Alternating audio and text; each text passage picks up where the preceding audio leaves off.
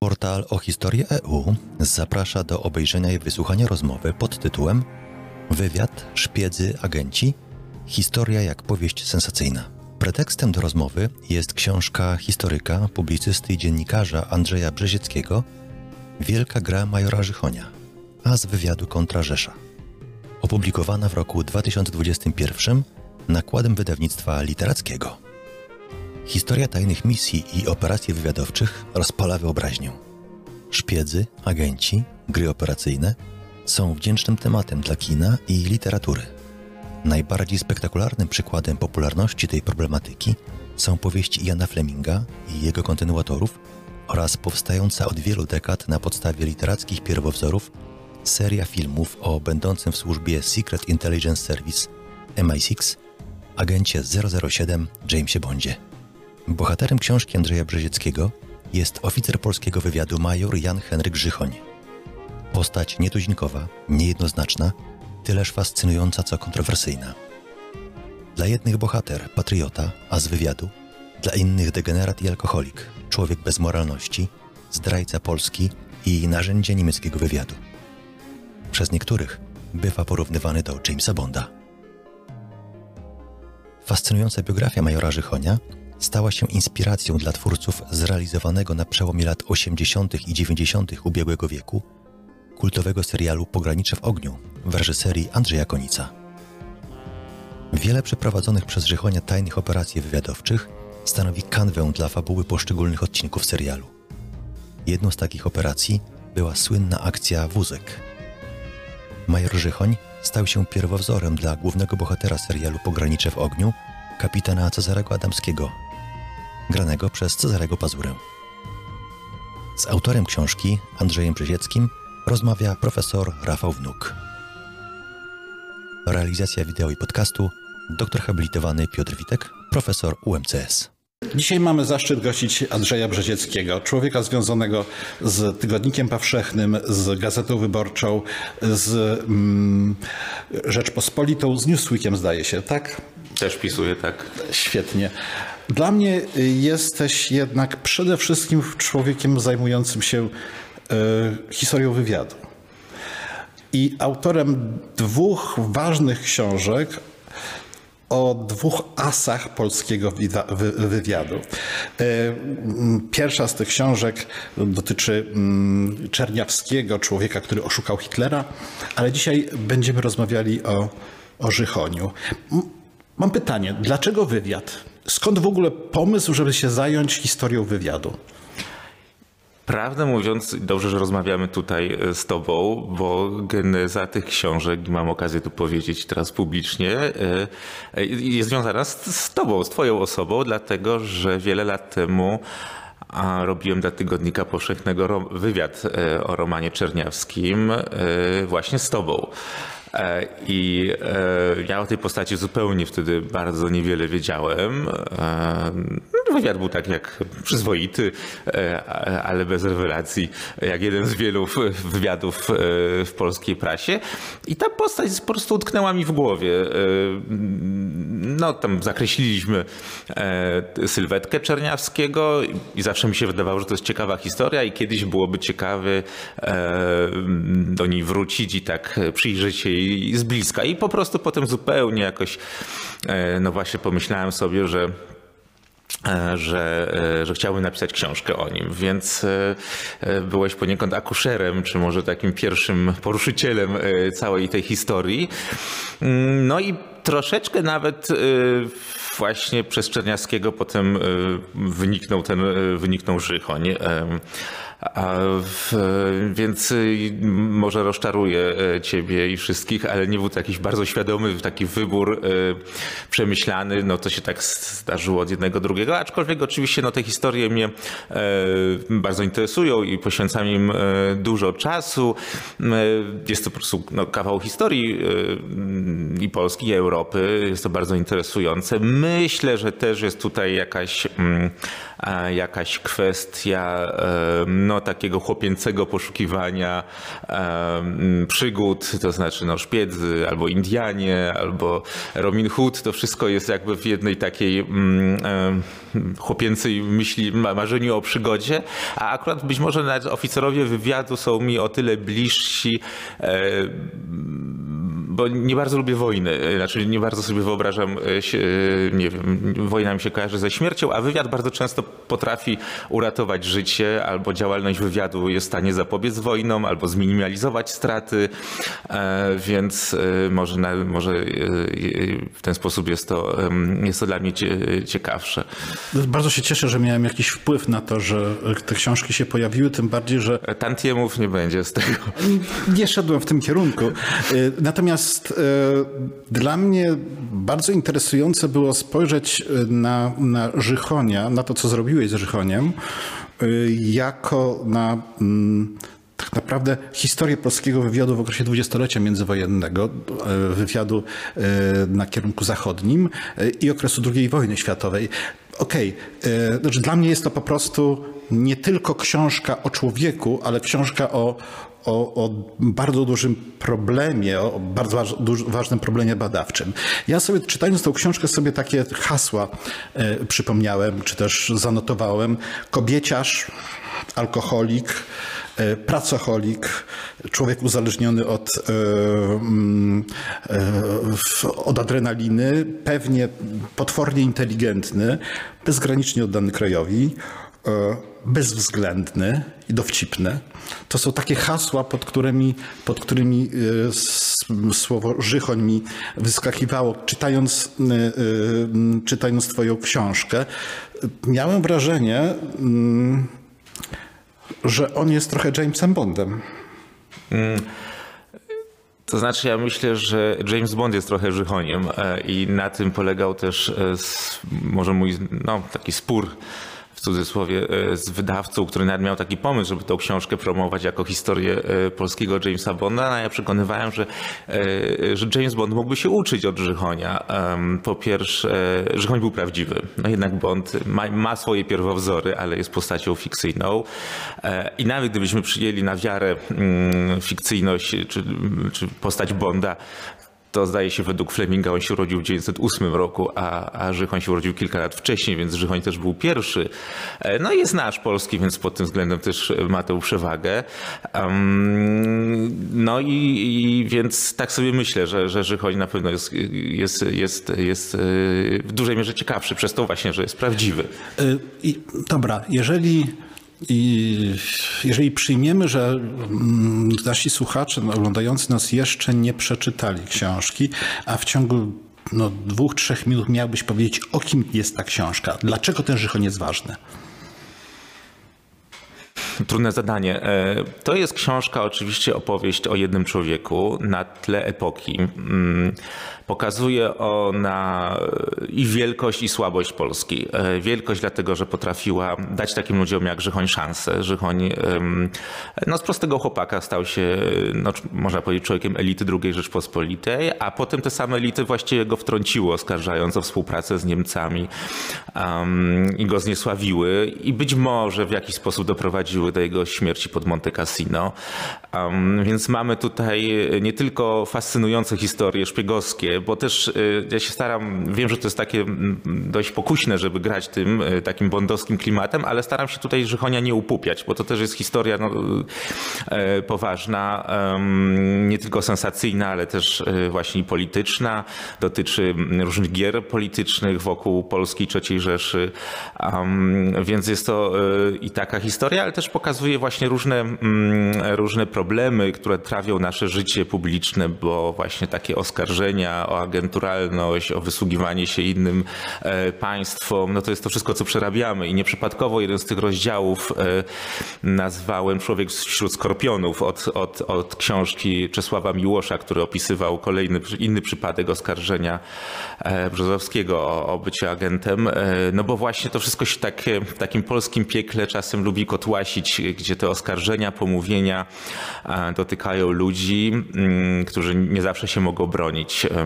Chyba bardzo skomplikowałem tę odpowiedź, zamiast zachęcić. Nie, moim, się, że... moim zdaniem nie, natomiast. Bo ja... po prostu nie chcę tego sprzedawać jako super historię szpiegowską płaszcza i szpady, gdzie się gonią po dachach, bo owszem, to w tej książce jest i to też eksponuje i ten Żychoń właśnie tymi swoimi elementami e, właśnie rozrywkowo, jakimś takiego no, szybkie samochody i tak dalej e, w tej książce jest obecne, ale to też jest książka właśnie o, mm, o takim kawałku polskiej historii, ale Pars Proto to pokazuje też inne nasze bolączki.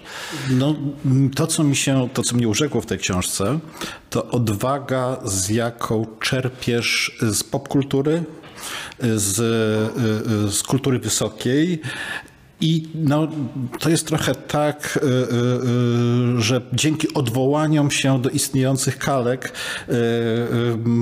łatwiej nam sobie wyobrazić, jak to było, czy co to było. I to, to jest wielki plus. Ja tutaj widzę mm, coś, czego historycy często nie lubią taki po prostu szlif dziennikarski, pewną odwagę w, w sposobie pisania. To, to jest plus, a jednocześnie coś, czego pewnie my historycy zazdrościmy ludziom, e, e, in, którzy przyszli do nas właśnie ze świata dziennikarskiego. Łatwość łączenia wątków, potoczystość narracji, to wszystko, to wszystko w tej książce jest, a jednocześnie jest dramat człowieka. Tutaj powiedziałeś, nie chciałeś upupić, to ci się chyba udało, ale myślę, że dobrze by było powiedzieć o paru Mm, o paru e, przygodach, e, o paru operacjach, e, mm, które Żychoń przeprowadził. Operacja Wózek, co to takiego było? Co to jest? To był rzeczywiście jeden z większych sukcesów Żychonia, ekspozytury, którą kierował w Bydgoszczy. Ona pierwotnie miała nazwę Wózek, przepraszam, Ciotka i dopiero potem została przemianowana na Wózek. To y, była akcja penetrowania przesyłek niemieckich w pociągach niemieckich, y, które przejeżdżały przez terytorium polskie do Gdańska albo do, mm, do Prus y, Wschodnich. Te przesyłki były, znaczy ich eksterytorialność była gwarantowana wszystkimi umowami dotyczącymi poczty i gwarancjami, jakie, jakie wszystkie państwa mające swoje poczty gwarantują partnerom, no ale też była gwarantowana umowami e, polsko-niemieckimi. E, no natomiast Żychoń uważał, że skoro te pociągi jeżdżą, to dlaczego by do nich e, nie zajrzeć i dlaczego by nie przejrzeć na przykład poczty, a czasem tam była też i sprzęt przewożony. No oczywiście do tego trzeba było zwerbować całą gamę ludzi od, od dyrekcji, czy powiedzmy pozyskać przychylność dyrekcji kolei po po oczywiście kolejarzy, pocztowców polskich, ale też po prostu kasiarzy, którzy mają e, zgrabne rączki i potrafili otwierać e, różne zamki. E, no i faktycznie dokonywano takiej perlustracji poczty. E, też trzeba powiedzieć, że oczywiście Niemcy mm, nie byli tacy naiwni, nie naprawdę tajne przesyłki przesyłali drogą lotniczą, e, ewentualnie morską. Natomiast e, no, biały wywiad, czy w ogóle wywiad nawet z informacji nietajnych, jeśli są one zbierane systematycznie i, i konsekwentnie, jest w stanie bardzo dużo wyciągnąć, bo przecież nawet z takich trywialnych informacji jak zamówienia żywności dla, dla poszczególnych jednostek można wywnioskować ich, ich wielkość, czy na przykład um, zamówienia różnych firm e, przemysłowych można, mm, można wywnioskować, e, na jakie rodzaje zbrojenia, czy na, na przykład jaki przemysł chemiczny, jak się rozwija. To są bardzo istotne informacje i właśnie ta, e, to przeglądanie tej poczty no, na masową skalę przez, przez wiele lat dawało takie informacje. Było to jedno z najcenniejszych źródeł.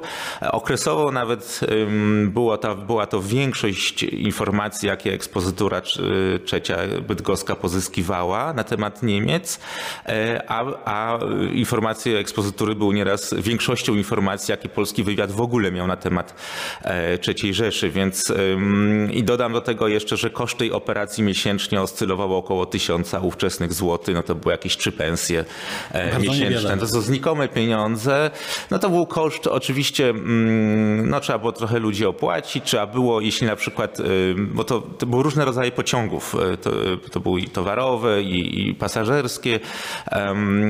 Czasem na przykład tą pocztę przeglądano na dworcu w, w, w Trzewie, gdzie ona oczekiwała w workach zaplombowanych na, na inny pociąg, ale generalnie rzecz biorąc, no, trzeba było opłacić ludzi. Czasem trzeba było zapewnić wałówkę i mm, coś do, do jakiś poczęstunek procentowy dla niemieckich funkcjonariuszy, żeby ich troszeczkę roz, rozluźnić. Czy to był taki ówczesny Pegasus?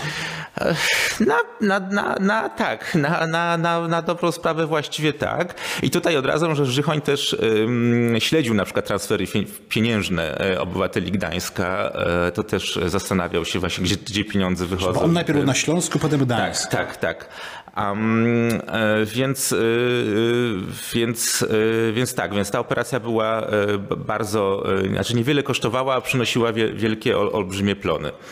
A właśnie dotknęliśmy Gdańska, miasto, z którym byłem przez pewien czas związany i przyznam, że dzięki tej książce spojrzałem na to miasto, a właściwie na nie tylko to miasto, na całe Trójmiasto, na Gdynię, Sopot, jakby trochę jakby przez pryzmat tej książki, trochę oczami, oczami Żychonia. Dla mnie było niezwykle interesujące. Nie wiedziałem o tym, że Westerplatte, które przecież tak znane jest w Polsce, ma swoją legendę, jest, jest pewnym wyobrażonym mitem e, zbudowanym na tym, co się stało w 1939 roku. Wcześniej służyło do szmuglowania porwanych ludzi. To się brało z tego, że... Mm, Porwanych przez Żychonia. Tak, no Żychoń w Gdańsku występował z immunitetem e, pracownika Komisariatu Rzeczpospolitej, czyli takiego przedstawicielstwa, e, jako pracownik wydziału wojskowego. No i jemu jakby z temu wydziałowi podlegał właśnie ten e, kawałek ziemi na Westerplatte, w związku z czym jakby drogą służbową oczywiście um, to, no, tak to przynajmniej wyglądało z, jakby z tej legalnej strony. Natomiast rzeczywiście było tak, że um, Miasto Gdańsk było e, tworem e, formalnie e, jakby niepodległym, tak, osobnym, osobnym bytem, no ale było też przedmiotem gry szpiegowskiej ze strony Niemiec i Polski. Trudność polega na tym, że ponieważ nie miał ustawy o szpiegostwie i o przeciwszpiegostwie, to trudno było tam za taką działalność kogokolwiek sądzić, więc zarówno Niemcy i Polacy, jeśli chcieli kogoś skazać w procesie, a wtedy takie procesy były w cenie, bo właśnie nagłośnienie na przykład łamania mm, postanowień traktatu wersalskiego e, no było bardzo mm, na rękę zarówno Polakom, jak i Niemcom, no to należało kogoś skazać, ale żeby go skazać, trzeba było go wywieźć z tego Gdańska. No i tu się pojawiały kłopoty, no bo oczywiście wywieźć po dobroci albo legalnie nie zawsze można było, w związku z czym Żychoń, co jest nietypowe, dlatego że Żychoń był szefem ekspozytury, czyli właściwie był człowiekiem z zabiórka już w tym momencie, ale miał taką fantazję, że w paru przypadkach rzeczywiście rzeczywiście mm, zwabiał do jakiegoś takiego bezpiecznego, jakby się wydawało, miejsca w Gdańsku e, ludzi, mm, takich renegatów, ludzi z pogranicza polsko-niemieckiego, którzy kiedyś na przykład mieli polskie obywatelstwo, potem bardziej się utożsamiali z, z państwem niemieckim. No właśnie używał najpierw alkoholu, czasem włączał się w to referat techniczny oddziału drugiego, który produkował jakieś środki e, odurzające. I tutaj jeśli chcemy szukać analogii z Bondem, to był to jakiś e, Q.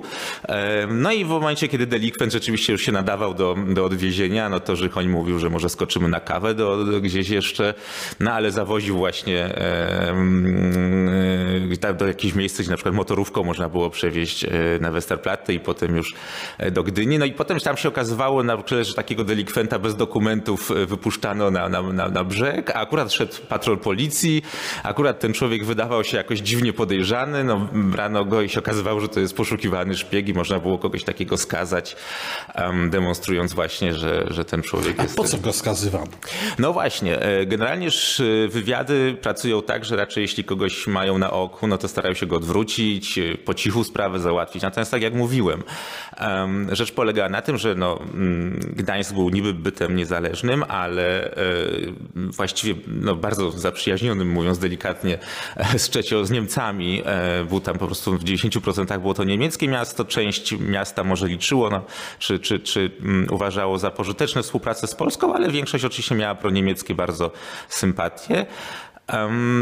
No i chodziło o to, że Abwera była ulokowana w prezydium gdańskiej policji. I w związku ludzie, którzy podawali się na co dzień za e, stróżów porządku e, w mieście Gdańsk, e, mieli swoje podwójne role, bo byli właśnie oficerami Abwery. No i teraz chodziło o to, że przy pomocy tego, tego rodzaju procesów i skandali nagłaśnianych, a właśnie nie tajonych, tylko nagłaśnianych, można było pokazać na forum Ligi Narodów, dopóki nie, Niemcy należały do Ligi Narodów, a Gdańsk przecież należał dłużej, można było pokazać, że, że to wszystko jest fikcja, że niemieckie zakusy na to miasto są, są realne, że łamane są traktaty, że ludzie, którzy podają się za komisarzy policji są naprawdę na pasku Berlina i tak dalej, i tak dalej. Więc te procesy były z każdej strony, bo z drugiej strony też Niemcy chcieli mieć, lubili procesy pokazowe, no bo to też pokazywało, że Polacy gwałcą neutralność. Ale wspominasz jeszcze jednym ważnym elemencie e, tych procesów, efekcie założonym i chyba osiąganym, czyli e, zniechęcanie własnych obywateli do współpracy z wrogiem, bo okazywało się, że proszę bardzo, ty obywatelu Polski, który współpracujesz z Niemcami, jesteś porwany, przywieziony do Polski i skazany na ogół na śmierć. Najczęściej tak. Najczęściej były to e, wyroki śmierci, z tym się nie patyczkowano. Jeśli chodziło o żołnierzy, były to, było to rozszczelanie e, przed Plutonem. E, mm, no, cywile ginęli inaczej, chyba szubienica była wtedy na tapecie, więc w Niemczech topór. Hmm. A właśnie, ten Gdańsk, tam się pojawia jeszcze jedna osoba, która również jest potem ważna w przypadku e, Czerniawskiego, mianowicie Oscar Reilly. Ta walka tych dwóch e, e, no, szefów, oficerów, jak to jest fascynujące. To, to jest absolutnie mm, fantastyczny kawałek e, e, książki, świetna historia. Jak ty to byś opisał? No tak, rzeczywiście ten duel jest pasjonujący. No tym bardziej, że on miał ten swój epizod gdański. No i po latach objawił się w Paryżu, kiedy Żychoń już jest na Wyspach Brytyjskich, a, a Reyle I to łączy kieruje, też z Czerniewskim. Tak, a Reyle kieruje Abwerą w, w Paryżu. Reyle człowiek człowiek y, wysokiej klasy. E, zresztą miał pretensje do Polaków, no bo w wyniku powstania państwa polskiego jego rodzina straciła tutaj e, majątki, ale rozumiał Polaków, znał język polski, e, więc nadawał się do tej roboty. Już właśnie z relacji Czerniackiego wiemy, że bardzo dbały był też o, mm, o swój jakby wygląd zewnętrzny, miał zawsze zadbane paznokcie, no był takim Niemcem, ale z in Ordnung. Um, no i, i, rzeczywiście prowadził te gry szpiegowskie mm, z, mm, z Żychoniem. One były bezpardonowne pardonowe, dlatego że w planach Rejlego było na przykład przy pomocy właśnie jednej z kobiet um, uwiedzenie przez nią Żychonia, sprowadzenie go na przykład na teren Niemiec, porwanie go między innymi albo wyeliminowanie w jakiś, e, w jakiś sposób. Rejle przetrwał wojnę, e, przeżył wojnę i potem zresztą służył w zachodnio-niemieckim wywiadzie jako instruktor, jako taki praworządny obywatel. E, no faktycznie chyba jakichś tam wielkich zbrodni na jego koncie nie było. Natomiast y, potem pozostawił po sobie różnorakie wspomnienia. E, troszeczkę podkoloryzował je, trochę sam siebie wybielił. Natomiast one są wykorzystywane przez historyków właśnie z tym zastrzeżeniem, że trzeba je konfrontować z, e, z, innymi, e, z innymi informacjami. Zresztą no, on wspominał Żychonia, są zachowane różne relacje, gdzie na naradach Abwery właśnie Żychonia uważa się za bardzo niebezpiecznego oficera, bardzo... Jeden z pięciu najniebezpieczniejszych, e, najbardziej pożądanych. Tak, tak e, jako bardzo niebezpiecznego, e, zajadłego wroga Niemców, z którym bezwzględnego, to słowo bezwzględny się pojawia w bardzo wielu materiałach niemieckich na temat Żychonia. I jakby to prowadzi nas do, do tego momentu, w którym Żychoń staje się oskarżony, prawda? Oskarżony o współpracę z Niemcami. Mógłbyś trochę więcej na ten temat powiedzieć y, przy okazji, malując ów spór między oficerami referatu wschodniego i zachodniego? Tak, to jest y, bardzo skomplikowana historia, dlatego że wielo, wielopłaszczyznowa, tak, dlatego że oczywiście oddział drugi był, e, mówiąc takim językiem potocznym, no, firmą, korporacją, tak, dość dużą, a w każdej tego typu jednostce instytucji są różne frakcje, frakcje mające swoje ambicje, no, i są też różnice charakterologiczne. E, ludzie się po prostu czasem nie lubią i tutaj te dwie, dwa elementy mieliśmy i trzeci element był taki chyba najpoważniejszy i najmniej zbadany właściwie, na ile pewna część elity polskiej e, w sztabie, ale nie tylko, no miała ten dylemat, czy iść, e, że on został sformułowany przez jednego z oficerów po wojnie, e, czy iść przeciw Niemcom, czy z Niemcami przeciwko Moskwie. No i mając to tło, o którym mówiłem, czyli jakby korporacyjne walki, charakterologiczną niechęć do Żychonia, bo Żychoń lubił sobie robić wrogów. Miał taką tendencję przez swój taki, był rogatą duszą i przez swój taki krnąbrny charakter. Tam jeszcze ciekawe, przepraszam, że tak wchodzę e, w słowo, ale ty jeszcze podkreślasz to, że Niezbrzycki, jego główny przeciwnik, prawda, e, e, czy też główny oskarżający i jest człowiekiem no, elit, starych elit, szlachcic i tak dalej, i tak dalej, m, który, który oskarża owego no, człowieka nowych, nowych elit, no, że, że nie dorasta. Prostak, że tak, prostak, analfabeta, tak, oni takich to słów jest używali taki na jego temat. daleko idący. Było w tym coś takiego, rzeczywiście. No Żychoń awansował bardzo szybko. Przecież chłopak dwunastolatek, no przeszedł wszystkie, trafił do Legionu, przeszedł wszystkie te mm, szczeble. Um, mm, no właśnie. Na 30 parę lat i Tak, tak, więc i, no i awansował, ponieważ. Niezbrzycki cały czas był kapitanem, E, a on już był majorem w 1936 roku, więc myślę, że tutaj to miało i też dawał do zrozumienia właśnie oficerom z referatu Wschód, no że co wy potraficie. Tu trzeba być uczciwym, że akurat szpiegowanie w Związku Sowieckim było dużo trudniejsze niż, e, niż w III Rzeszy. Em, właściwie prawie, że niemo, niemożliwe. Były takie okresy, kiedy mm, Polacy po prostu napadali na przykład na, na, na dworce e, i na kasy i na pocztę na dworcach przy granicy. E, poz- Pozor, pozorowali napady bandyckie, brali też pieniądze, ale brali na przykład dokumenty. No w Niemczech to, po Niemczech można było podróżować w miarę, w miarę swobodnie. Ale wracając do tych e, konfliktów, no więc mamy te, te takie, mm, takie ogólne tło. No i rzeczywiście mm, jest tak, że przeciwko Niemcom mamy wywiad głęboki i wywiad płytki. Wywiad głęboki to jest ten, który mm, e, na przykład, e, no właśnie mm, e, strategiczny, który pracuje w Berlinie, tam próbuje pozyskać w, centrum informacji na temat III Rzeszy i wywiad płytki, który z założenia kontroluje pogranicze, powiedzmy jakieś 100, 100 kilkadziesiąt kilometrów w głąb. Do połowy lat 30., dokładnie do 1934 roku w wywiadzie głębokim w Berlinie ulokowany Jerzy, Sosnowski, słynny polski mm, szpieg, który tam funkcjonował jako właśnie taki klasyczny James Bond, tak, samochody, dobre alkohole, kobiety i tak dalej. Uzyskał e, dojścia do centralnych urzędów w w Berlinie i pozyskiwał stamtąd dokumenty. Natomiast no, wpadł w 1934 roku, został aresztowany, jego agentki zostały skazane przeważnie na karę śmierci. No, on został wymieniony dwa lata później, no ale Polacy nie witają go jako mm, bohatera, tylko jako szpiega. Być może to była niemiecka inspiracja, żeby go kompletnie skompromitować i wszystko, co do tej pory wysyłał, żeby Polacy wyrzucili do kosza. jeśli to był pomysł taki, to się udał. To się udał. Y, Sosowski był przechowywa- przetrzymywany ponad rok nielegalnie w ogóle, łamiąc wszelkie przepisy II Rzeczpospolitej. Um, e, jako prywatny właściwie więzień oddziału drugiego. Dopiero gdy sprawa dotarła do Rydza Śmidłego, on no, kazał coś z tym zrobić i zrobił się proces z tego, ale proces był szyty. Ewidentnie był szyty, dowody przeciwko niemu były y, właściwie fingowane.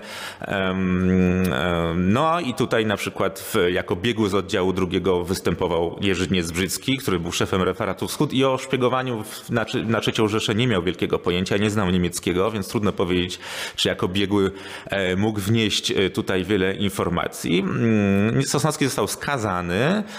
E, ale nie na karę śmierci, jakbyśmy się powinni spodziewać, gdyby dowody były mm, niezbite. Został skazany na 15 lat, odwoływał się, ale to już był czerwiec 1939 roku, wojna wybuchła. No i dalsze jego losy możemy zostawić. Natomiast ci oficer, oficerowie, którzy kompromitowali wtedy Sosnowskiego e, na tym procesie, doszli do wniosku, że skoro Sosnowski jest niemieckim agentem, e, a miał sukcesy, to Żychoń, który ma sukcesy, też jest niemieckim agentem.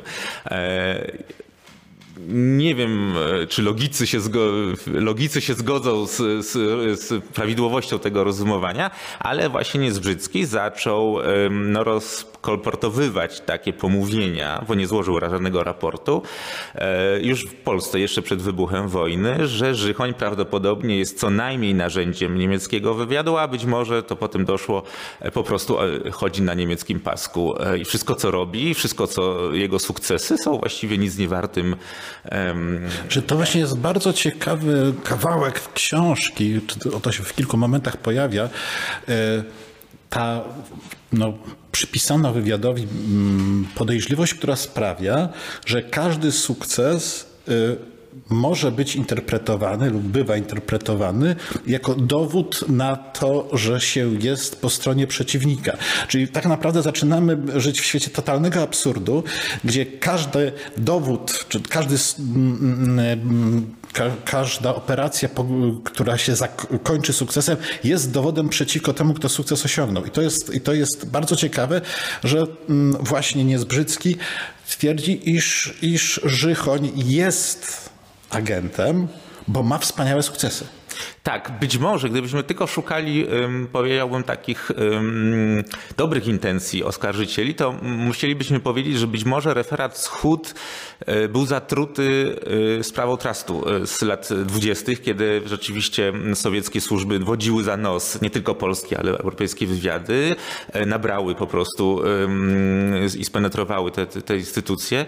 No i potem rzeczywiście to myślenie, że, że wszystko, co się wydaje złotem jest nic nie śmieciem, tak, e, to być może ono jakoś się zagnieździło, ta logika w szeregach oficerów oddziału drugiego, no ale tak jak mówię, tam dochodziły też inne elementy, tak, to znaczy być może dochodziło i to rzeczywiście było e, bardzo możliwe, że ci oficer, oficerowie oddziału drugiego z referatu wschód e, chcieli przejąć referat zachód, chcieli skompromitować wszystko, co on przekazywał, czyli twierdzono, że informacje o zagrożeniu niemieckim, o agresji, o agresywności Hitlera wobec Polski, to jest panikarstwo. Zresztą są adnotacje na, na dokumentach y, z przedwojnia niemalże, gdzie jest napisane panikarstwo, to nic nie warte, to jest właśnie mm, robienie sensacji i tak dalej, i tak dalej.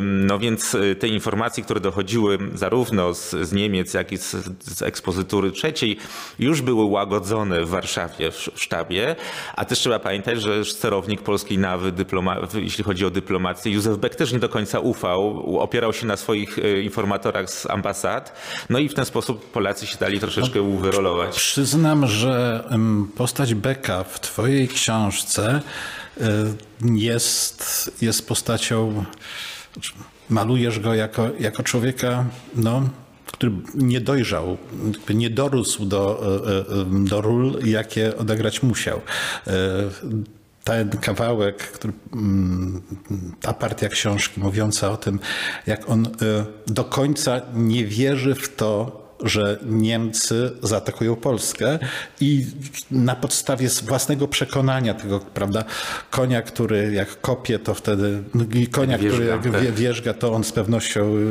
jest, jest niegroźny, prawda, y, do, to jest niesamowite, biorąc pod uwagę to, że miał jednocześnie takie, a nie inne dowody od Żychonia. Tak, ja myślę zresztą, że no do wiosny 1939 roku on naprawdę był przekonany.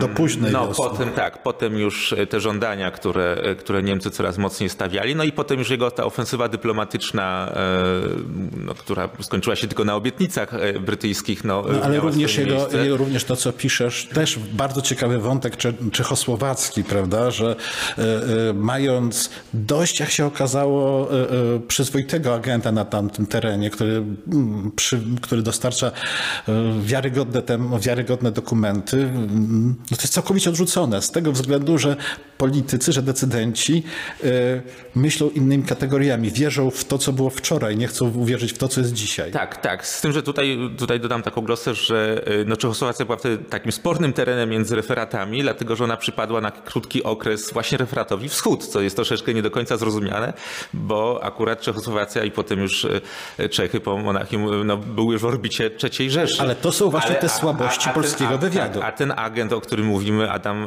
Twardowski, był poszczególny postrzegany jako człowiek Żychonia, więc z założenia nie można mu było wierzyć, więc e, nie chcę tutaj używać brzydkich słów, ale w pewnym momencie Żychoń powiedział, e, no, może sparafrazuję, te sukinsyny pana raporty wyrzucały do kosza, tak, bo uważały, że są e, niewiele warte, a on rzeczywiście, to był dziwny człowiek, trochę szławiła, krętacz, jakich nie mało, ale, mm, ale akurat jako agent się sprawdzał. On się nie sprawdził jako kierownik takiej placówki w Królewcu, ale jako po prostu człowiek, który obserwował i, i było okej. Okay. Ja w ogóle mam takie wrażenie po, po, mm, po lekturze książki, że ten wywiad polski ma e, bardzo wiele ciekawych operacji.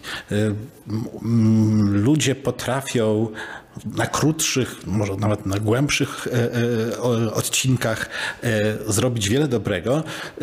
Natomiast jeśli chodzi o generalia, jeśli chodzi o umiejętność połączenia wszystkich nitek i, i analiza materiału zdobytego, jest dużo gorzej. To znaczy tak. E, wydaje mi się, że generalnie służby specjalne odzwierciedlają stan państwa. E, I w państwie, w którym służba zdrowia nie funkcjonuje, też służby e, będą kiepsko funkcjonowały inne. I oddział drugi oddawał wszystkie bolączki II Rzeczpospolitej, a przede wszystkim wielkie ubóstwo tego państwa. I to jest jeden z elementów. Drugi z elementów jest taki, że no był to jeden wywiad wojskowy. Myśmy mieli wywiad wojskowy, nie mieliśmy służb, cywilnych, więc nie było takiej konkurencji. Tak? Czy, znaczy nie było drugiego źródła, który mógłby czasem um, dostarczyć informacje. Um, no właśnie, Beck się czasem opierał na, na kolegach, ambasadorach, dyplomatach, ale um, to nie zawsze były dobre informacje. więc rzeczywiście mieliśmy, to były te słabości. Na plus trzeba powiedzieć jednak to, co Polacy czasem potrafią, czym potrafią błysnąć, to znaczy zdolności do improwizacji i pomysłowości tak? To znaczy to jest...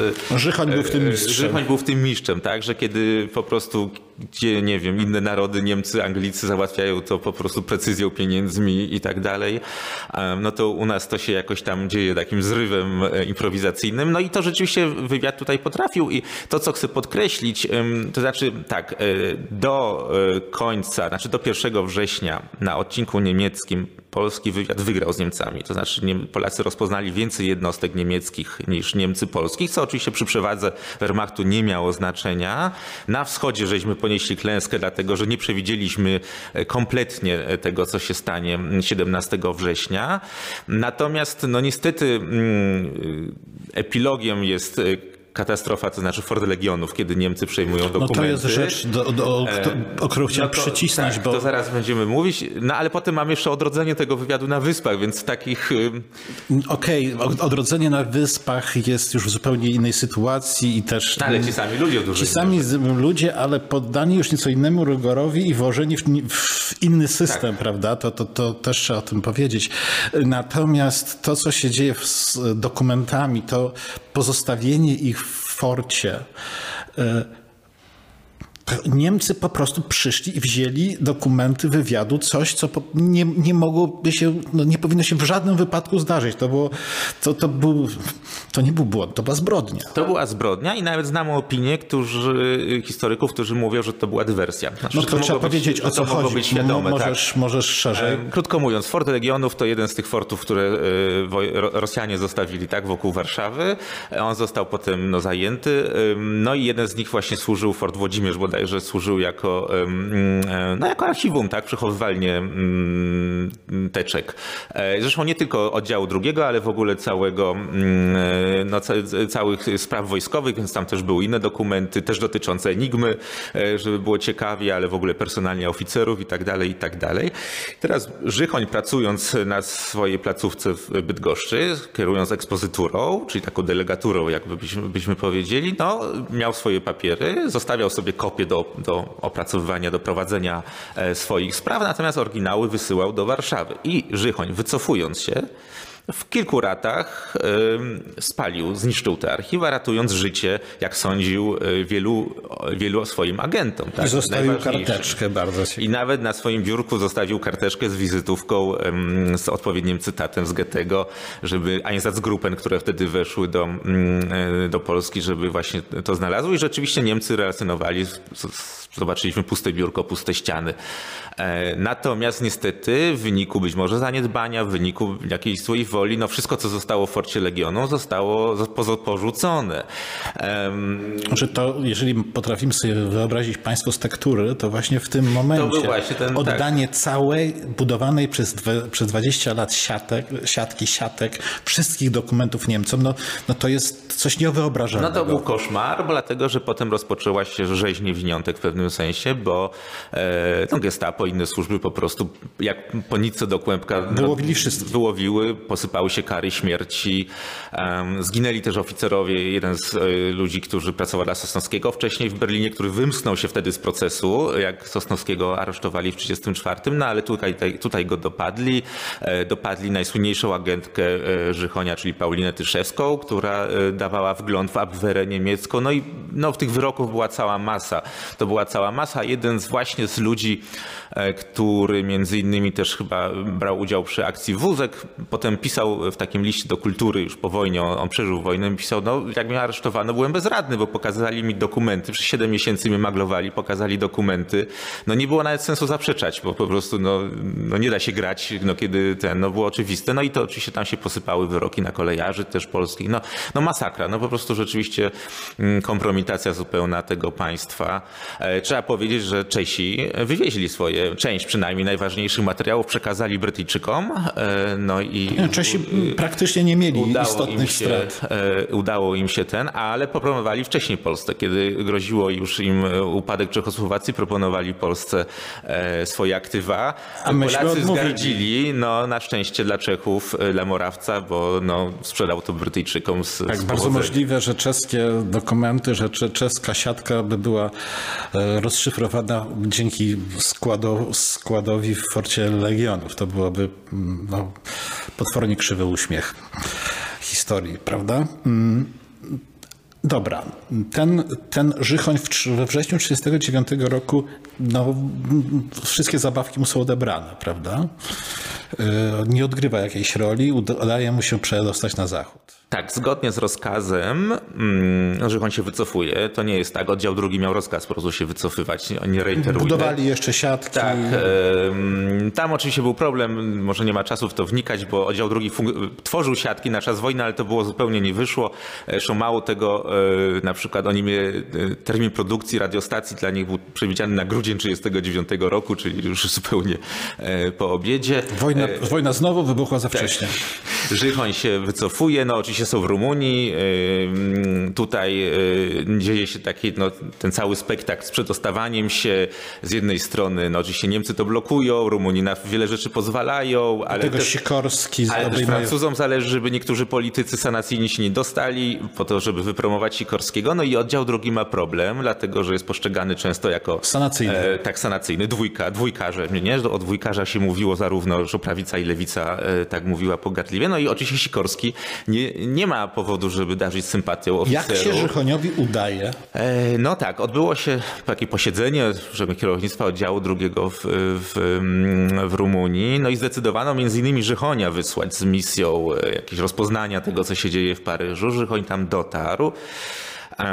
Trafił na początku na bardzo nieprzychylny grunt, dlatego że tam już operował jeden z oskarżycieli Żychonia, partner Niezbrzyckiego Tadeusz Nowiński, no, który niestety mm, no, rozwalił ten wywiad na Zachodzie, jaki nam został. E, natomiast, no i Sikorski oczywiście też niechętnie na, nastawiony do, mm, do sanacyjnych elit, no ale to zaczęło się rozgrywać inne rzeczy, powiem w skrócie. No po pierwsze Francuzi, którzy cenili Żychonia mm, bardzo, dlatego że między innymi właśnie ekspozyturę w Bydgoszczy pokazywano też sojusznikom przed wojną jako wzorcową i mieli do Żychonia, wskazali Żychonia jako tego, z którym chcą pracować e, i on dostał angaż do admiralicji, a po drugie Sikorski, e, mimo różnych ludzi z jego otoczenia, którzy go namówili, żeby ciąć, prawda, zupełnie wszystkich się senatorów pozbywać, e, no zrozumiał, że nie jest w stanie budować tego wywiadu zupełnie od zera. Tak znaczy opcja zerowa tu nie wchodziła w rachubę i musiał sięgnąć po jakichś oficerów, no i, mm, no i ten ten Żychoń tutaj się wydawał e, atrakcyjny. On wtedy właśnie robił dla admiralicji francuskiej, no ale po klęsce Francji, jak już się przedostał do, e, na, na, na Wyspy Brytyjskie, no tam rzeczywiście już e, o, o, o, tworzył Wydział Wywiadowczy. No i to był taki właśnie ten jakby To jest jego- jego dogrywka, dogrywka, w której Ale pokazał... i jednocześnie wtedy jest, naj, to jest naj, najwyższe stanowisko, jakie on pełni w tym momencie. Tak, w tym momencie tak, rzeczywiście nadzoruje, odbudowuje ten wywiad po tej mm, katastrofie, jaka nastąpiła, kiedy, kiedy Nowiński ją przyjął. Właśnie Nowiński nie z Brzyckim są odsunięci. No i tutaj y, po pierwsze no są jakby, możemy mówić dwutorowo, znaczy on tworzy ten y, wywiad, y, zresztą którym ty też się zajmowałeś, bo te niektóre cytaty są z twoich opracowań dotyczące tego, jak... Bardzo jak, jak, dawno. jak Zd- Zdradziłem wywiad dla innych jak tematów. ale ceniono to- polski wywiad w Lizbonie, w innych placówkach, że to jest świetne. No i rzeczywiście Żychoń stworzył te ekspozytury. Oczywiście to nie jest tylko jego zasługa, bo to jest też odwaga tych ludzi, którzy byli w terenie, w Niemczech przecież, nie? Funkcjonowali w Berlinie i tak dalej, i tak dalej. No ale z drugiej strony mamy tę politykę ciągle, która się za nami ciągnie. To znaczy mm, przeciwko Sikorskiemu ciągle knują e, senatorzy. Jest ten spór Piłsudczycy-Sikorszczycy. Oczywiście Sikorski nie jest tutaj e, aniołkiem, bo zsyła wielu krnomrych na wyspę, tak? Na wyspę węży.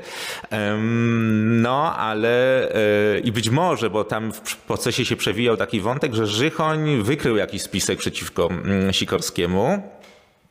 Poinformował o tym e, przełożonych, ale Sikorski w tym momencie no, już y, zupełnie niezależnie ginie pod Gibraltarem, prawda? kiedy już trwa proces e, w sprawie Niezbrzyckiego i Nowińskiego, no i troszeczkę Bo tutaj tam, no to wiatry się e, zmieniają. Kolejna rzecz. Tam jest znowu proces. Tak, tam jest znowu proces. To znaczy ci panowie, którzy przed wojną już oskarżali Żychonia o agenturalność, siedzieli rzeczywiście cicho przez jakiś czas. Nawet jakieś tam awanse czynili Żychoniowi, no, proponowali współpracę, jakieś przysługi i tak dalej. Nagle rzeczywiście w 1942 roku, właśnie wtedy, kiedy Żychoń zdaje się mm, informował przełożonych, że tu jest jakaś kontrakcja wobec Sikorskiego, e, no oni składają już meldunki, jakby uznają, że no, te takie pomówienia kawiarniane, jakieś takie na korytarzach nie przynoszą skutku do przełożonych, no więc składają. Żychoń jest tym, e, w takim razie prosi o, zajęcie przełożonych, o zajęcie e, tutaj stanowiska, o, o proces, no i do tego procesu dochodzi. I niestety trzeba powiedzieć, że nie, nie od początku, ale potem już wyrok wydawał ten sam człowiek,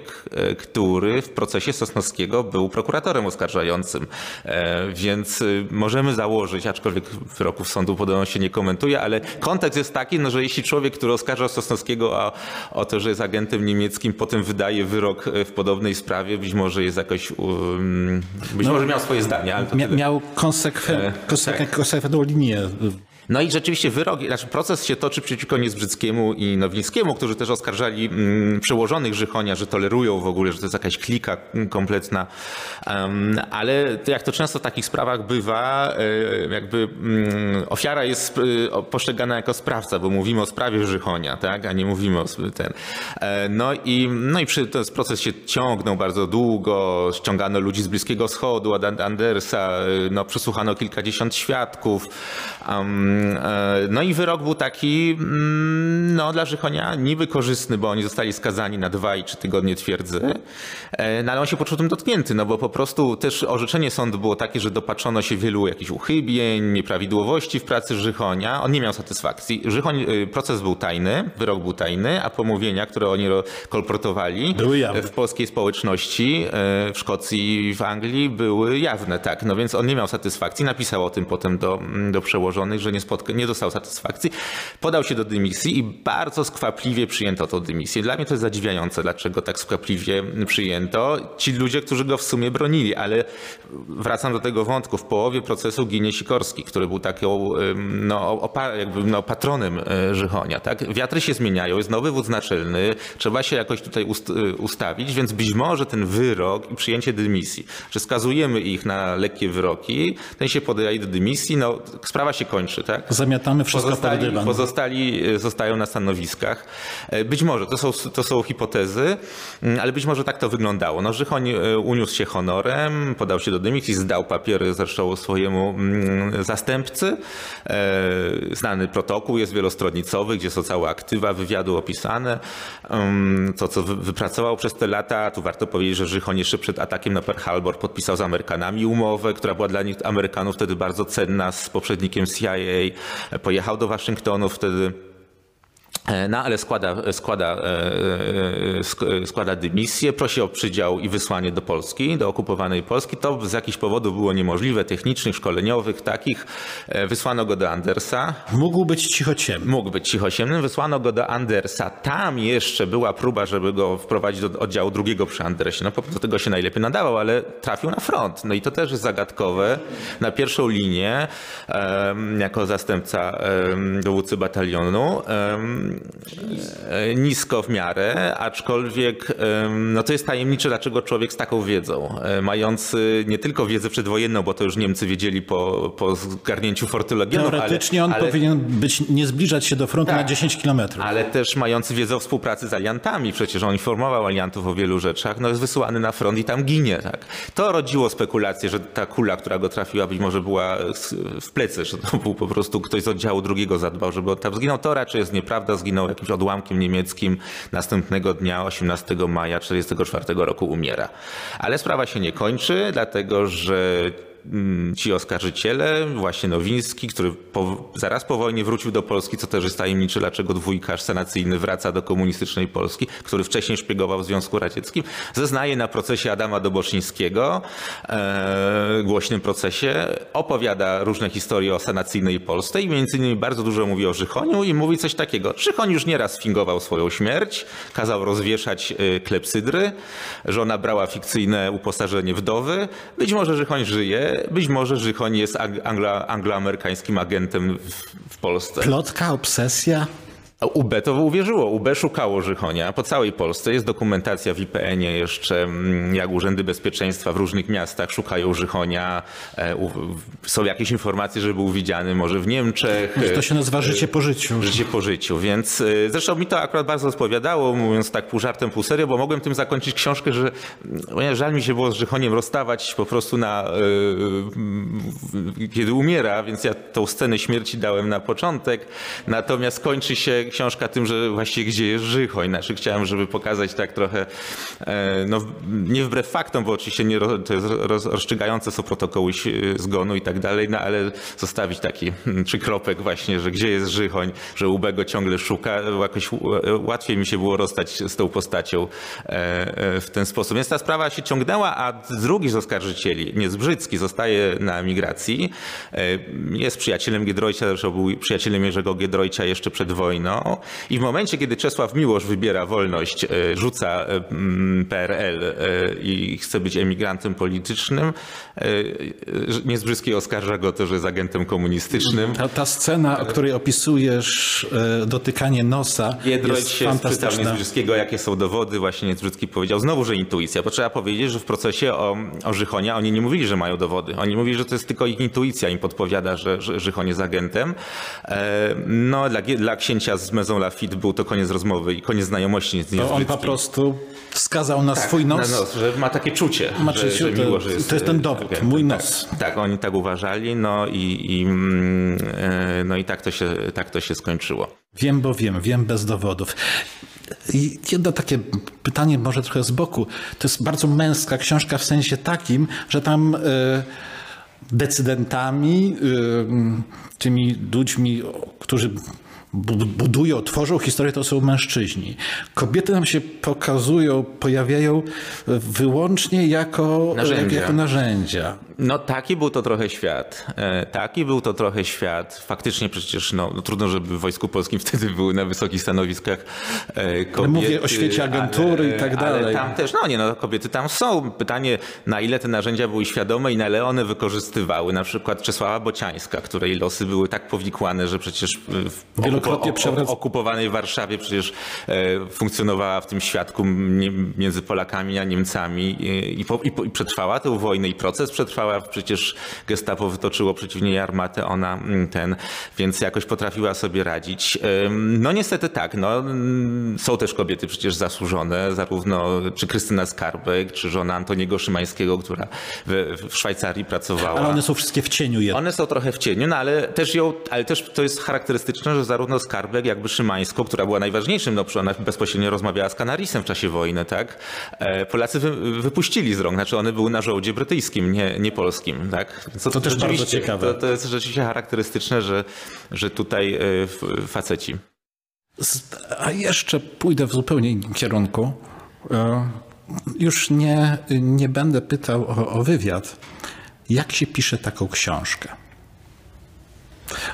Powiem tak. E, jesteś historykiem czy dziennikarzem? Historykiem z wykształcenia. Tak. Ja wiem, profesji Uniwersytet, Uniwersytet tak. Warszawski i tak dalej, i tak dalej. Przepraszam, Jagielloński. Mm.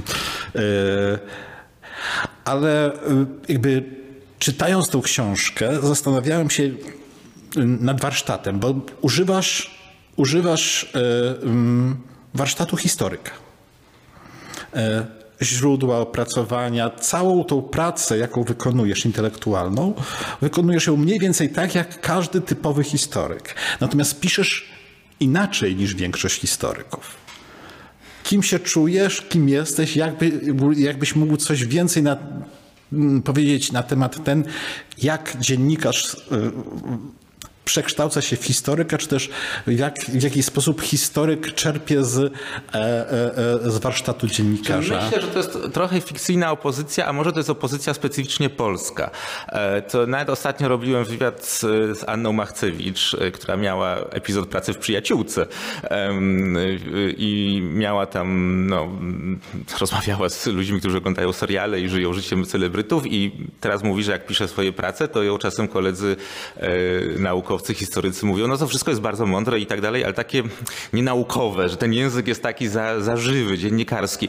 Ale mm, nie, nie, znaczy oczywiście jest tak, że, że, że ten język tu jest swobodniejszy, dlatego że adresuje tą książkę przecież też, no, dla, mam nadzieję, szerokiego grona czytelników. Natomiast historyk to jest taki E, więc, człowiek, który e, pisze książki, nudny. których nikt nie chce czytać. Nie, aczkolwiek e, no, mi przyświeca, nie chcę, żeby to zabrzmiało, ale mi przyświeca, znaczy mi się podoba ten anglosaski styl pisania, tak? To znaczy taki, mm, no, który potrafi łączyć takie rzeczy e, trochę z jakiejś takiej wielkiej narracji, niemalże jakby się Tolkiena czytało, tak? E, Ale, ale mi się wydaje, że zarówno w pracy dziennikarza, jak i historyka, jak i każdego człowieka, który coś pisze e, poza, nie wiem, fantastyką i czystą beletrystyką, no jakby rzetelność, jakby takie, no, że sprawdzamy informacje, nie wiem, z kilku źródeł, nie wiem, konfrontujemy je, że to jest naturalne. Przecież to za, zarówno jak się tworzy jakieś raporty analityczne, czy gdziekolwiek, no nie można e, puszczać wodzy fantazji, więc e, nie, nie spłycając tego problemu, mi się wydaje, że to jest jakby kwestia mm, jakiejś tam przywiązania do rzetelności, tak? Y, ym, W oddawaniu tego, to co się widzi, e, w, w, w szukaniu jakichś słabych stron historii i tak dalej. Oczywiście też jest to książka e, popularnaukowa, ale też prosiłem dwóch profesorów o recenzję, poprosiłem wydawnictwo, żeby zamówiło, no bo chciałem też mieć takie poczucie, że którzy się specjalizują w wywiadzie, e, chciałem mieć takie poczucie, że, że, że, że tutaj jakiś Znaczy ja mam wrażenie, że teraz ty się specjalizujesz w wywiadzie i to niedługo będą do ciebie prosili o, o recenzowanie książek innych. Tym bardziej, że jakby to, co jest fajne mm, w obu tych książkach, choć chyba ta, ta, ta druga mi się bardziej podoba, ona No, Żychoń był postacią większego formatu i to jakby jest tak, ale też odważniej, odwa szersza. właśnie, jest, oddech jest dużo szerszy e, e, i odważniej, to jest plus książki, życie indywidualne, czy biografia człowieka, połączona z e, służbą, z historią Polski i ten trzeci, czwarty już właściwie plan, e, historia, historia powszechna, historia ko- konfliktu e, e, w Europie, w Europie Środkowej, a potem już tak naprawdę globalny konflikt, jakim jest druga wojna światowa. Jakby, myślę, że student, który chciałby się zainteresować mm, historią polskiego wywiadu, powinien zaczą- zacząć od takiej książki, a dopiero potem przejść na, nie wiem, do tego grubego tomu polsko-brytyjskiego. No tak, tych dwóch... y, To jest nie do czytania tak naprawdę dla człowieka, który, y, który już naprawdę nie jest, nie jest głęboko wgryziony. No, oczywiście jest tak, że y, bo jeśli mamy wspomnienia, tak, jako źródło, do którego musimy też podejść właśnie z, z ostrożnością. y, Jak do każdego. pisane po czasie, czasem oczywiście każdy autor z pamiętnika czy dziennika ma jakieś tam tendencje swoje do wybielania się na przykład, ale, e, ale, no, ale one są na przykład żywe bardzo, tak? No bo po potocznym język, zwłaszcza jeśli ktoś ma jakiś talent literacki, to, to, to potrafią być fascynujące. Z drugiej strony na przykład dokumenty oddziału drugiego są suche. E, oczywiście, no to są przecież dokumenty biurowe, tak często, no e, i, jakby dopiero jak to łączymy, to czasem wychodzi z tego jakaś pełna krwi e, historia. Tu akurat szczęściem dużym było to, że mm, mamy stenogramy z tego procesu, w, mm, procesu w, e, w Londynie, który się działo w sprawie Żychonia Niezbryckiego i Nowińskiego i tam zaznawała cała czołówka oddziału drugiego. Um, no i ponieważ tam maglowano nie tylko kwestie samego Żychonia, tylko właściwie nawet pracę w ogóle oddziału drugiego, ale ci oficerowie opowiadali właśnie takim językiem, jak się mówi, no oczywiście zeznawali przed sądem, ale mówili dość językiem potocznym, czasem z anegdotką, czasem z jakimś mocniejszym słowem, więc y, no dzięki temu można było tym historiom takim suchym z dokumentów oddziału drugiego też nadać taką, mm, taką warstwę powiedzmy bardziej potoczną, takiego języka mm, bardziej przystępnego, więc y, no cała sztuka też polega na tym, żeby te puzzle poskładać, no i nadać im jakąś taką historię, właśnie taką znaczy atrakcyjną formę. E, ja też rzeczywiście lubię takie opowieści, które pokazują rolę jednostki na takim szerokim planie, tak? To znaczy mamy jakoś chłopaka spod, spod Krakowa, ze Skawiny, który nagle zostaje szefem wywiadu, jedzie do Waszyngtonu i, i podpisuje umowę z poprzednikiem CIA. No to jest to pewna historia z takiej od, z, z małej perspektywy do globalnej. To, to jest jakby cecha tej książki. Ciebie, ciebie interesują przede wszystkim ludzie i, i mm, jakby przez ludzi opowiadasz historię instytucji i wydarzeń, a nie odwrotnie. Czy to nie jest tak, że e, e, bierzesz jakieś wydarzenie, ciąg wydarzeń i, i prawda, tutaj włożysz jakiegoś człowieczka, tam oni są tylko ozdobą, które mają udowodnić prawdziwość e, całej historii, że tam byli jacyś ludzie. Ciebie jakby, ty podchodzisz od, od drugiej strony, ciebie interesuje przede wszystkim człowiek w historii. Tak, tak, myślę, że tak, ale na tle wydarzeń. Na tle wydarzeń, oczywiście. On jest, on jest trochę, e, sam Żychon jest trochę takim trochę e, człowiekiem świadkiem, góra świadek, który przez niego opowiadasz e, coś, coś szerszego. I już ostatnia rzecz, czas nam ucieka niemiłosiernie szybko. Odwołujesz się w y, kilku miejscach, w wielu miejscach książki właśnie do popkultury, dość odważnie. Czy do Jamesa Bonda, czy też do mm, e, Pogranicza w ogniu. E, to, to też mnie bardzo zainteresowało, jak ta historia żyje potem swoimi życiami. Jak ty to, jak w ogóle do tego doszedłeś? Mm, znaczy, wydaje mi się właśnie, że jeśli pisze się dla, dla książkę popularno-naukową, dla szerokiego czytelnika, e, to łatw, łatwiej mu tłumaczyć pewne rzeczy, odwołując się do rzeczy, które no, siłą rzeczy musi znać, właśnie najczęściej z popkultury, tak? To znaczy pewne przykłady, pewne wzorce, e, pewne to, historie. To rozumiem, jako gra wyobraźni, mhm. prawda? Natomiast, okej, okay, może inaczej. Um, rozmawiałem nawet z jednym z kolegów na temat tego pogranicza w ogniu, bo ja tej książ, bo ja, przepraszam, tego filmu y, bardzo słabo pamiętam. On twierdzi, że, y, że te rzeczy w pograniczu w ogniu są no, niemal jeden do jednego y, powtórzeniem no, operacji Żychonia. E, dużo jest tam. E, to jest oczywiście robione mm, w latach, na przełomie lat 80. i 90. ten serial, e, więc ze ówczesnym stanem wiedzy i też, no być może pod koniec PRL-u jeszcze, dlatego był to odcinek zachodni, a nie wschodni wywiadu. Jest tam trochę akcji. One są poprzerabiane na potrzeby filmu, jak sądzę.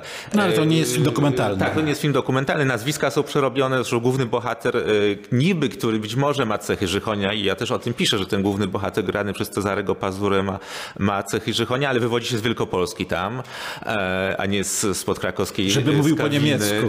Tak. No Żychoń jako, urodził się jako poddany Austro-Węgier. E, więc, więc są tam podobne akcje. Oczywiście na przykład jest akcja wózek pokazana, ale troszeczkę inaczej, więc pewne analogie możemy poszukać. Oscar Ryle w, w, tej, w, tym, e, w tym filmie ma inny rodowód, znaczy tam też oczywiście jest właśnie, pochodzi z Wielkopolski, polskiej, ale się nazywa Rilke bodajże. E, na przykład są połączone postacie, tam o, ja opisuję dwie kobiety, która w tym filmie jest jedną kobietą, dwa wątki są zupełnie, więc rzeczywiście ta, ta rzecz funkcjonowała. E, Właśnie, tak było przecież z oddziałem drugim, że zaraz po wojnie to byli paskudni dwójkarze i, no, i sanacyjni i tak dalej. No ale mniej więcej w latach 60., co miało związek pewny z, no, z taką polityką zaczęto mrugać oczkiem do, mm, do, do akowców, do żołnierzy przedwojennych. dobrych szeregowców i tak, podoficerów. Tak, no więc y, i wtedy po raz pierwszy, bo wcześniej Żychonia mm, y, no, oskarżano o najgorsze rzeczy. Nawet niedawno przeglądałem Trybunę Ludu bodajże z lat 40. i tam było jeszcze taki tytuł Major Żychoń grasuje w Pol- coś takiego w Polsce. Jeszcze y, próbowano tym straszyć po wojnie już w 1936-1937 roku. Em, y, no ale właśnie wtedy już y, pojawiło się w słynnej serii y, Żółtego Tygrysa. Pojawił się tam Major Żychonia już pozytywnie. Oczywiście też potem na końcu była taka tylko puenta, że te wysiłki Żychonia i jego y, kolegów spełzły na niczym, bo sanacyjna góra wszystko zaprzepaściła, bo się kumała z trzecią Rzeszą i tak dalej. E, No i dopiero potem prace kilku historyków, y, Leszka Gądka, y, Kozaczuka, no, były taką pewną rehabilitacją. E, No i, i to właściwie dopiero no, w latach 10. można było, no to też ma związek z tym wszystkim, co wiemy, o otwartość archiwów, nie wiem, to możliwość, nie wiem, szukania w Londynie, w, w materiałach, no to wszystko można, umożliwiło konfrontowanie i Trzeba zbieranie. powiedzieć, że ty w tych materiałach wszystkich grzebałeś. To jest książka naprawdę źródłowa. Tak, tak. To znaczy, no i, i, i zarówno IPN, i CAW, i Archiwum e, Sikorskiego w Londynie, i w Gdańsku. Rzeczywiście to. Mm, Choć jednocześnie czytając przypisy miałem taką e, radość, że nie są to przypisy, które zabierają trzy czwarte książki, ale są po prostu odwołaniami króciutkimi, tylko tak, ja jestem zwolennikiem przypisów, które y, no, odsyłają do, do źródła, natomiast nie, nie przepadam za książkami, gdzie y, no, to jest taka niemiecka szkoła pisania, tak? gdzie Dwie- tyle jest treści, książki. a tyle jest przypisów i tak naprawdę wiele informacji jest drobnym druczkiem, a już przypisy końcowe, gdzie za każdym razem trzeba y, tą książkę przewracać tak i z powrotem doprowadzają mnie do pasji, więc... Mam, podzielam tą jakby niechęć do przypisów końcowych, które do tego wszystkiego by, by, byłyby e, niezwykle rozbudowane i zabierały trzy czwarte, e, e, trzy czwarte e, e, objętości książki. Co dalej? Kto, kto następny? No to zupełnie inna historia. Oddałem właśnie do wydawnictwa książkę e, o wydarzeniach w Ostrudzie w styczniu 1946 roku, gdzie e, funkcjonariusze SOK-u, e, Urzędu Bezpieczeństwa Publicznego w Ostrudzie, a także Wojska Polskiego rozstrzelali żołnierzy Armii Czerwonej Sojuszniczej. Poszło no tam było wi- większe tło, y, ale iskra wybuchła, czy pożar wybuchł, iskrą była butelka wódki i generalnie wódka jest też tam niestety elementem y, istotnym w tej całej historii, ale jest ciekawe to, że zginęło pięciu czerwonoarmistów, y, dziesięć osób wylądowało na ławie oskarżonych w procesie no, sąd wojskowy, nikt nie dostał kary śmierci, wielu z nich wyszło już po amnestii w 1967 roku. Taka, no, reportaż z chwili, bo wszystko się wydarzyło w ciągu kilkudziesięciu minut na dworcu w e, Ostrudzie. Zupełnie inna E, książka. Zupełnie inna książka, zupełnie inna książka, ale no, mam nadzieję, że ciekawa. Ja jestem przekonany i mam nadzieję, że może również o tamtej nadchodzącej książce, o tej nadchodzącej książce będziemy mieli możliwość kiedyś porozmawiać. Będzie mi miło. Bardzo dziękuję. Dziękuję.